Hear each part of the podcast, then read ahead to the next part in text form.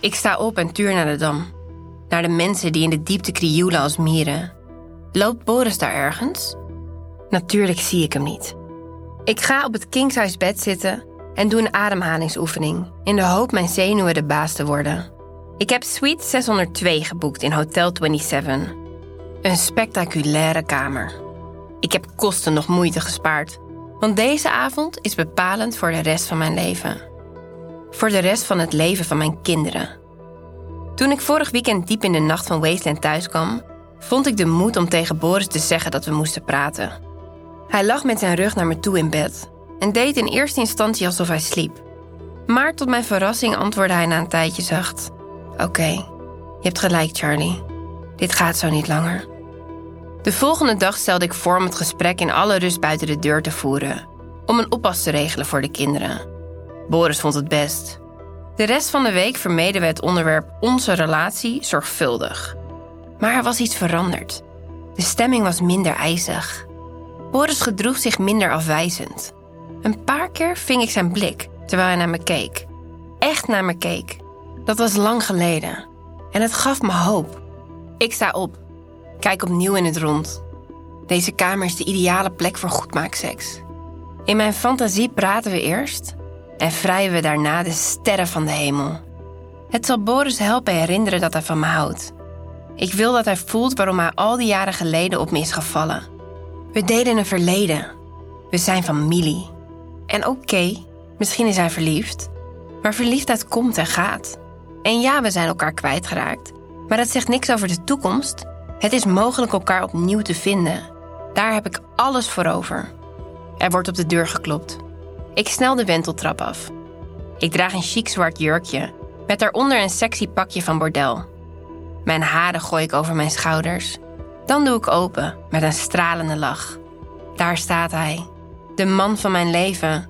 Nog net zo knap als toen ik hem al die jaren geleden ontmoette. Hij heeft een nieuwe zwarte blouse van zijde aan, zie ik tot mijn vreugde. Als je je relatie wil verbreken, dan kleed je je niet mooi aan, toch? Hij laat zijn ogen over me heen glijden en kust me dan op mijn wang. Hm, geen slecht begin. Dan loopt hij langs me heen. Hij kijkt in het rond en fluit tussen zijn tanden. Zo. Ik schenk een glas bubbels voor hem in. Kom mee naar boven, je moet de slaapkamer zien. Niet normaal mooi. Boris neemt het glas van me aan. Ik loop de trap op en hij volgt me met zware, langzame stappen. Lood in zijn schoenen, denk ik. Als hij boven is, zie ik aan zijn gezicht dat hij al net zo opziet tegen de onvermijdelijke confrontatie als ik. Oké, there we go. Geen smalltalk meer over de kamer en het uitzicht. We gaan naast elkaar op het bed zitten. Dat praat makkelijker. Ik zet me schrap. Boris begint. Ik heb een affaire, maar dat had je ontdekt. En ik ben verliefd. Ik slik de misselijkheid weg en knik langzaam. Ik probeer zijn hand te pakken, maar hij trekt hem weg. Ze heet Haley. Een tijd lang zijn we stil, allebei. Ik besluit af te wachten. Dan vervolgt hij boos. Jij checkte uit, hè? Jij liet me in de steek. Ik weet het, Boor. Het spijt me. Hij kijkt me verrast aan. Het is blijkbaar niet de reactie die hij verwachtte. Wat wil je? vraag ik. Mijn stem schril van angst. Ik ben zo lang zo kwaad op je geweest, zegt hij. Ik dacht dat ik niks meer voor je voelde. Maar toen je me vorige week betrapte in dat filmpje en daarna in dat sexy pak de deur uitging, kwam opeens met een dreun bij me binnen dat ik jou en ons gezin definitief kwijt zou kunnen raken. Hij pauzeert even. En dat wil ik niet, zegt hij dan. Mijn hart maakt een sprongetje. Ik richt me op. Ga strijlings op hem zitten. Ik pak zijn gezicht vast met twee handen en kus hem op zijn mond. Hij laat me begaan. Ik voel dat zijn lijf stijf staat van de spanning. Ik leg mijn hoofd op zijn schouder en sla mijn arm om hem heen. Het was wel een schok voor mij om te zien dat je een trio had, zeg ik met verstikte stem. Jaren heb ik geprobeerd om je over te halen om eens iets avontuurlijks te doen op seksgebied. Altijd wees je me af. Ja, het moet vreselijk voor je zijn geweest om die video te zien. Ik weet hoe graag jij samen wilde experimenteren. Maar ik vond het bedreigend dat jij nooit tevreden was met ons seksleven. Ik werd er onzeker van. En ik vond ook dat het niet hoorde. Ik had iets van: dat doe je gewoon niet. Zeker niet als je getrouwd bent en kinderen hebt. Toen het zo slecht ging tussen ons, toonde Haley belangstelling voor me. Dat was heel goed voor mijn zelfvertrouwen. En dat trio, daar overviel ze me mee. Ze had een vriendin uitgenodigd, zonder dit eerst met mij te overleggen. Als verrassing. Eerst wilde ik weggaan, maar toen dacht ik, weet je, fuck it. En ik vond het geweldig. Heel geil. Hij kijkt me schuldbewust aan. Ik schaam me ervoor om het te bekennen. Dat hoeft niet, fluister ik. Ben je niet boos? vraagt hij. Ik schud met mijn hoofd. Dan leg ik een vinger op zijn lippen. Genoeg gepraat. Laat me je voelen. Dat is veel, maar ook veel te lang geleden. Ik duw mijn lichaam tegen hem aan en zoen hem opnieuw. Hij kreunt zachtjes. Ik ga met mijn handen over zijn lijf, van onder naar boven, over zijn gezicht en dan naar zijn kruis, waar ik zijn pik voel groeien. Ik richt me op, trek mijn jurkje over mijn hoofd en gooi het naast het bed. Boris fronst even als hij mijn pakje ziet. Een oude reflex. Dan komt er een waarderend lachje. Ik knoop zijn shirt open en kus zijn borst, zijn buik. Ik lik naar beneden. Behendig knoop ik zijn broek open en bevrijd zijn erectie, die door de stof van zijn bokser heen naar voren wijst. Boris is keihard. Ik wrijf met mijn hand over zijn stijve en kijk naar hem op. Hij duwt zijn heupen naar voren, zijn erectie tegen mijn gezicht. Met zijn handen gaat hij door mijn haren terwijl hij een zacht grommend geluid produceert. Ik klim weer omhoog, voorhoofd tegen voorhoofd.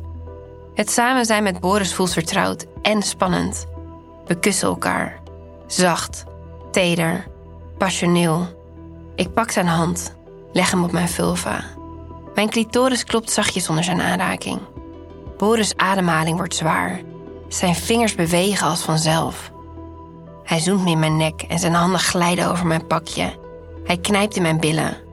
Ik zie Haley's kont voor me. Zal hij me vergelijken met haar? Snel duw ik die gedachte weg. Ik stap van het bed en loop naar het gigantische marmeren bad. Ik zet mijn handen op de rand en kijk uitnodigend over mijn schouder. Boris komt achter me staan. Hij laat zijn handen onderzoekend over mijn lichaam glijden, alsof hij me voor het eerst aanraakt. Hij neemt rustig de tijd. Ik draai met mijn heupen, mijn kont tegen zijn kruis. Zo moedig ik hem aan verder te gaan. Dan draait hij me om. Hij houdt me stevig vast bij mijn bovenarmen. Hij pakt mijn string vast en rukt hem naar beneden. Het slipje heeft een gat bij het kruis, dus het had aan kunnen blijven. Maar blijkbaar ziet Boris me liever zonder kleding. Na mijn slip volgt mijn topje. En even later sta ik bloot voor Boris' neus. Boris knielt neer. Mijn billen rusten tegen het koele marmer van het bad. Hij tilt mijn rechterbeen op en legt hem over zijn schouder. Zijn lippen zijn nu heel dicht bij mijn vulva. Hij blaast plagerig. En dan kust hij me. Eerst de binnenkant van mijn linkerbeen. Dan is rechts aan de beurt. Met zijn lippen strijkt hij over mijn schaambod, rakelings langs mijn clitoris. Er gaat een rilling over mijn rug. Ik duw mijn kruis naar voren en kreun. Niet zo ongeduldig, Charlie. Hij kijkt grijnzend naar me op. Hij geniet duidelijk van het effect dat hij op mij heeft.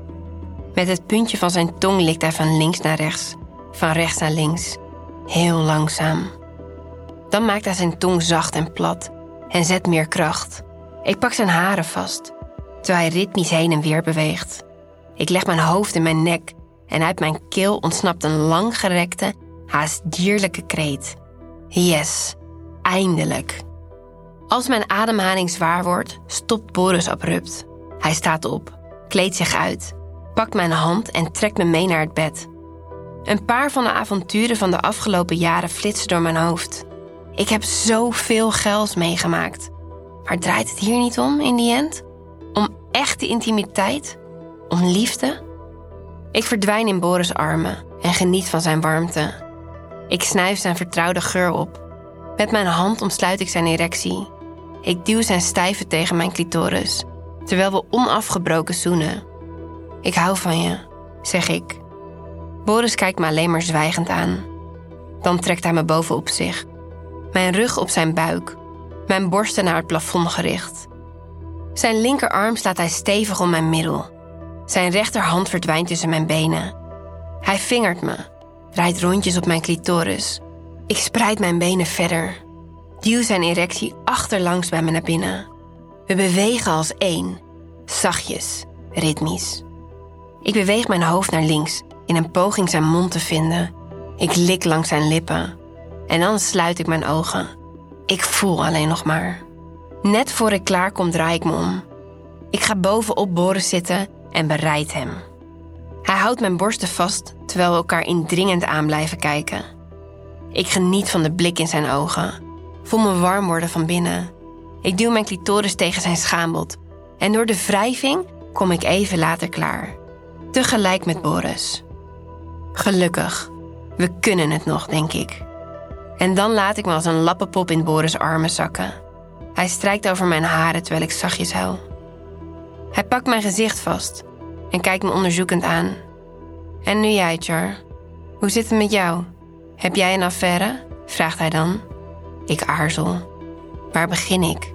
Wat vertel ik wel en wat vertel ik niet? Ik kies voor de halve waarheid. De hele waarheid kan Boris niet aan, dat weet ik zeker. Ik rol van hem af en schraap mijn keel. Ik had een soort van affaire, biecht ik op.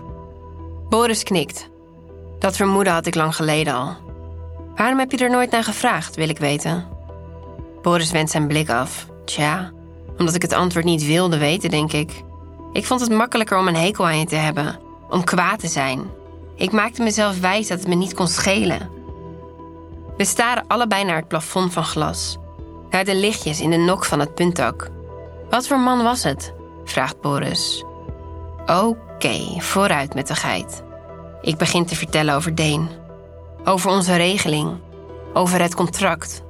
Over mijn avonturen. Terwijl ik praat, zie ik Boris verstrakken. Hij gaat rechtop zitten. Zal ik doorgaan? vraag ik onzeker.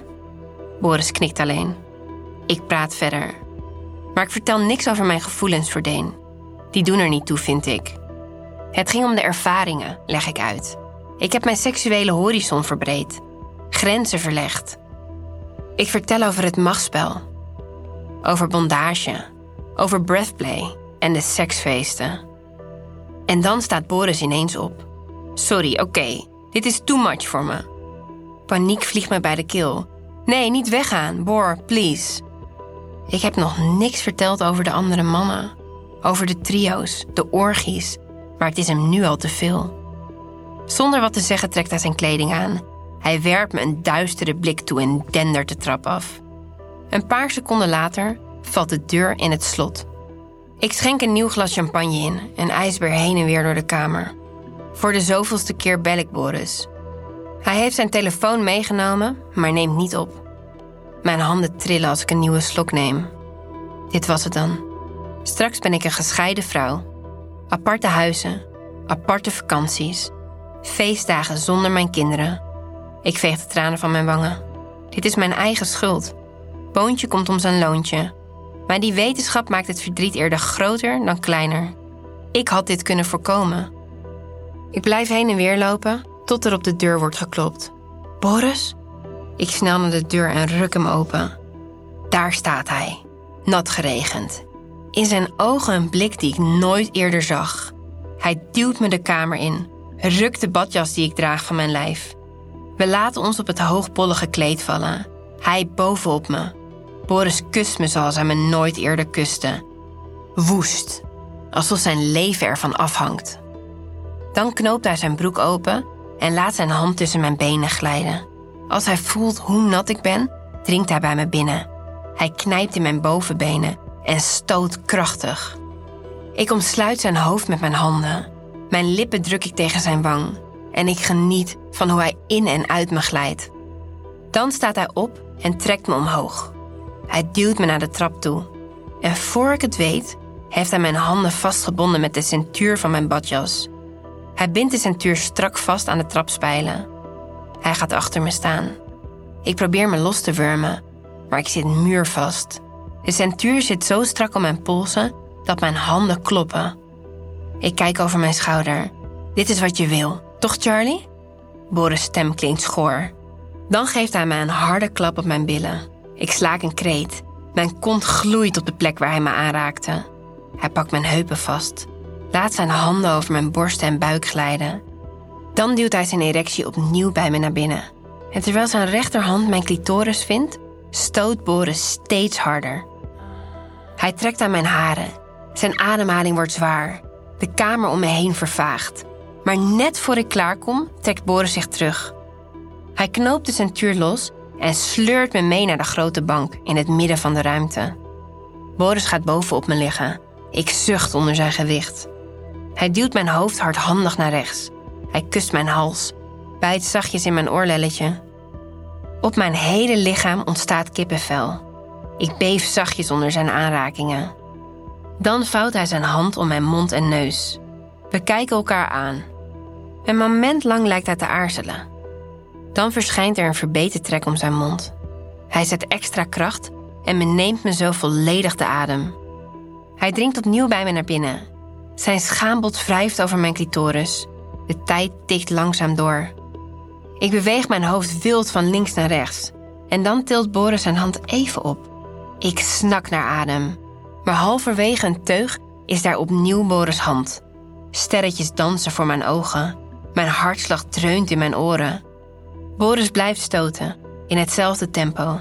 Hij weet na al die jaren precies hoe hij me kan laten klaarkomen. Als ik mijn ogen sluit, tilt Boris zijn hand op.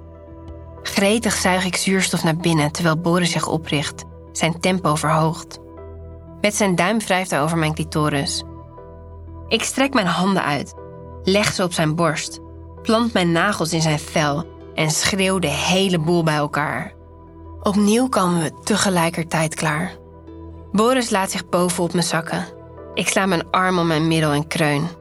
Dan rolt hij van me af en kijkt me aan van opzij. Op Boris' gezicht breekt een lach door. Ik ga op zijn schouder liggen, wat hij gelukkig toelaat. Nou, dat ligt op. Moest even wat afreageren. Lekker stel zijn wij, zegt hij, terwijl hij een pluk haar uit mijn gezicht veegt. En dan lachen we samen, om de gigantische puinhoop die we van onze relatie hebben gemaakt. En nu? Vraag ik even later. Ik besefte net tijdens die wandeling twee dingen. Ik wil geen hypocriete man zijn. Ik vind wat jij hebt gedaan vrij extreem, maar ik wil je niet veroordelen. Het zou niet eerlijk zijn. Ik heb zelf ook wat op mijn kerststok. Ik knik dankbaar. En het tweede? Ik hou mijn adem in en kijk hem aan. Hij mij. Ik hou van je, Charlie. Ik was zo boos op je dat er geen ruimte was voor liefde. De woede overheerste al het andere. Maar ik wil je niet kwijt. Met onze armen stevig om elkaar heen blijven we minutenlang stil liggen. Oké, dus? Vraag ik dan. Zou jij het goed vinden als ik Haley blijf zien? Ik haal mijn schouders op. Tja, als jij dat graag wil. Ik ga je niks verbieden, maar de vlag hangt niet uit. Wat jullie hebben is meer dan seks, zeg ik. Boris knikt. Snap ik. Ik zou ook niet willen dat jij die Deen weer gaat zien. Dat was ook een soort relatie. Ik zak weer tegen hem aan en zeg: Misschien kunnen we mijn originele plan alsnog uitvoeren. Samen op zoek gaan naar spanning en avontuur. Niet elke week, maar gewoon. Zo eens in de zoveel tijd. Boris pakt me vast en kust me. Oké, laten we het proberen.